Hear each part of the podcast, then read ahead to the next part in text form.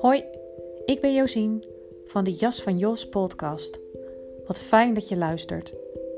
In deze podcast deel ik over bewustwording, zelfontwikkeling, lichaamsbewustzijn en spiritualiteit naar kanker en verlies. Ik neem je mee in mijn reis van zelfbevrijding en ontwikkelingen in het ondernemerschap na kanker. Ik vertel met openheid, bevlogenheid en hopelijk ook humor over groei en over struikelblokken. Over op je pad zitten en wat je er vandaan haalt. En uiteraard wat je kunt doen om daar weer terug te komen. Altijd gekoppeld aan mijn eigen ervaring of ervaringen van klanten.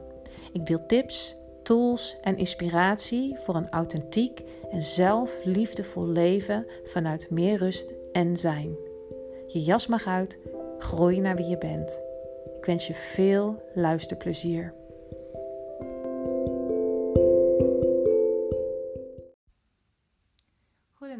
Het is uh, woensdag 18 november, iets over half tien. En, en ik voelde de behoefte om een korte podcast op te nemen. En wel over het onderwerp bewustzijn. Um, omdat het een woord is, net als het woord bewustwording, dat het woorden zijn die uh, natuurlijk omdat ik daar zelf veel mee bezig ben met zelfontwikkeling, spirituele ontwikkeling, coaching, um, dat ik die woorden logischerwijs veel tegenkom en ook door de internetbubbel waar je soort van ingezogen wordt als je je daarmee bezighoudt. Maar ik heb ook wel het idee dat steeds meer mensen daarmee bezig zijn. En uh, maar wat is dat nou eigenlijk? Bewustzijn, bewustwording. Um, vanuit de zijnsgeoriënteerde theorie uh, ja, is daar wel zeg maar, wat uitleg over mogelijk. Wat, wat voor mij wel helpend is geweest. En waarvan ik dacht dat is misschien voor jou ook helpend. Dus daar wilde ik uh, kort iets met je over delen. Um, want als het gaat over jezelf of het zelf, dan kan het heel erg helpen om um, jezelf te zien als een verzameling van drie zelven. Klinkt misschien een beetje raar, maar ik ga het je uitleggen. Um, in eerste instantie heb je een primair zelf dat zich uit in allerlei lichaamssensaties, uh, bewegingen, gedachten, emoties en woorden. Dat is, is wat er zich in de kern in je voordoet. Maar daar ben jij je over het algemeen totaal niet bewust van. En dan heb je een, een tweede zelf, zoals je het zou kunnen zien, wat ook wel het ego genoemd wordt. Um, dat bestaat uit allerlei reacties op deze uitingen uit dat eerste zelf. Vaak gaat het dan over oordelen en, uh, um, die, die, die, en die zijn er om je primaire uitingen te, te censureren. Dat hoe jij ter wereld bent gekomen, is namelijk door je opvoeding en door belangrijke personen in je leven. Um, heb je geleerd om op een bepaalde manier in de wereld te zijn. En dat hoeft niet per se te zijn wat jouw primaire uiting is. Hoe jij eigenlijk het liefst in de wereld zou willen zijn. Dus al heel jong leer je om dat um, te censureren en jezelf te veroordelen. En ook dat is over het algemeen uh, een onbewust gebeuren.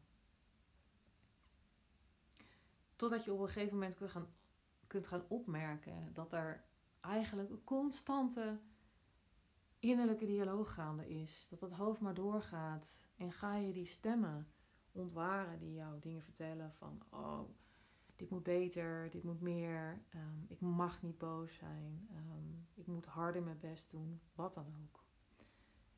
Um, en wil je daar echt zicht op krijgen, dan is bewustwording dus de stap.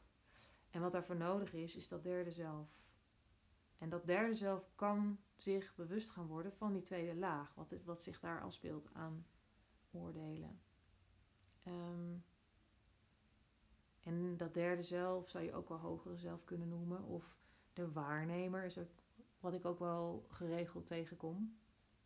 Dat is eigenlijk een vrijer deel, een vrij bewustzijn dat kan registreren wat er plaatsvindt en ehm, wat neutraal of ja, eigenlijk zelfs vriendelijk kan leren staan uh, en kijken naar al dat wat zich in jou uh, voltrekt, aan al het innerlijk gedoe. En um, ja, dat heeft een, uh, een kalmerende werking, omdat um, hoe groter dat, dat vrije deel of hoe, hoe meer aanwezig die waarnemer is, die kan, die kan zeg maar van een afstand kijken naar wat er gebeurt. En um, dan word je op den duur dus steeds minder overgenomen door wat er in jou uh, gebeurt. Dan kan je langzaamaan bijvoorbeeld niet helemaal worden overgenomen door je boosheid of wat dan ook. Dan, ja, dat is een oefening die ik heel erg mooi vind. Die is heel basic, maar zo eye-openend. Dat je jezelf niet meer benadert als ik ben boos, maar er is een gevoel van boosheid in mij. En dat je dus kunt leren om daar uh, als die waarnemer naar te kijken, bij aanwezig te zijn, zonder oordeel, maar met een vriendelijke houding naar jezelf, zodat, zodat dat kan leren ontspannen en die energie die zich heeft vastgezet in je lichaam als verkramping of wat dan, op wat voor manier dan ook, uiteindelijk um, weer kan gaan stromen als vrije levensenergie. Het klinkt allemaal misschien heel ingewikkeld wat ik zeg. Um, maar wat ik ermee wil zeggen is dat dat deel vrij bewustzijn, dat dat eigenlijk in iedereen, uh, dat iedereen daar weer contact mee kan krijgen. En um, contact met je gevoelsleven is daarbij ontzettend belangrijk. En ik merk um, in het werken met uh, coaches, cliënten, elke keer op hoe weinig er eigenlijk uh, gevoeld wordt. Dat, er, ja, dat dat heel vaak uh, onwennig is en spannend. En om überhaupt stil te staan bij wat er alleen al aan lichamelijke sensaties in je lichaam te voelen is. Um, en daarom elke keer als ik uh, iemand begeleid, dan vraag ik ook naar: oké, wat voel je nu in je lichaam en waar voel je dat? En of dat nou gaat om koude voeten of, of om angst die opkomt of weerstand als je ergens dichterbij komt. Heel belangrijk om uh, contact te maken met datgene wat er in je leeft. En om daar uh, heel met lef te hebben om daarbij stil te staan. Want het is heel spannend als je dat voor het eerst doet. Um, maar mijn ervaring is, zodra je dat gaat doen, dan krijg je zicht op de ongelooflijke rijkheid en veelheid aan verschijnselen in jou. En dan heb ik het dus over gedachten, gevoelens, emoties, maar dus ook die lichamelijke gewaarwordingen. En um,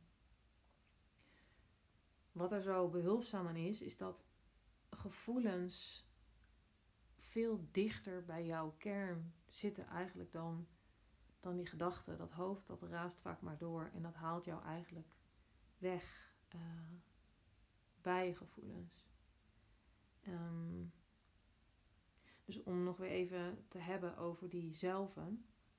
Dat uh, eerste zelf, wat bestaat uit al die sensaties en gedachten en emoties. En dan dat tweede zelf, wat reageert op die uitingen. En dan dat derde zelf, wat eigenlijk jouw vrije bewustzijn is, wat kan groeien. Um, en ja, het, uh, het werk wat je dus met jezelf leert doen door ook met zijnsoriëntatie bezig te zijn, maar ook wat ik doe met mijn cliënten is um, heel erg gericht dus op het leren voelen om uiteindelijk dat derde zelf bewustzijn, vrij bewustzijn, je hogere zelf, die waarnemer in jou te versterken. Nou, ik hoop dat, je, uh, dat, je, dat het je wat helderheid geeft op uh, hoe je naar jezelf kunt kijken en um, wat bewustwording en bewustzijn betekent en ja, wat het belang daar eigenlijk van is. Um, ik zou er uren over kunnen praten. Uh, want um, zodra je zelf daarmee bezig gaat en je bewuster wordt van jouzelf, word je automatisch ook bewuster van dat wat er in, uh, in de relationele sfeer gebeurt, wat er in de wereld gebeurt. En daar ga ik verder ook niet over uitweiden, maar het is iets wat mij enorm uh, gepassioneerd maakt en uh, waardoor ik de verbondenheid met mijn missie extra sterk voel. Want dit derde zelf, dat bewustzijn versterken, dat kan je zo enorm bevrijden. Um, dus vandaar dat ik uh, heel graag dit even met je wilde delen als soort van inleiding op dit gebeuren. En nou, ik hoop dat het je een klein beetje helderheid geeft. En um, als je vragen hebt, uh, stuur me alsjeblieft een, een bericht. En um, ongetwijfeld ga ik hier een andere keer nog wel eens op verder. En ik wil je bedanken voor het luisteren. En heel graag tot de volgende keer. En slaap lekker voor zometeen. Of een fijne dag. Geen idee wanneer je dit hoort. maar ik ga zometeen wel slapen. Want het is mooi geweest voor vandaag. En ik spreek je een volgende keer. Doei doei.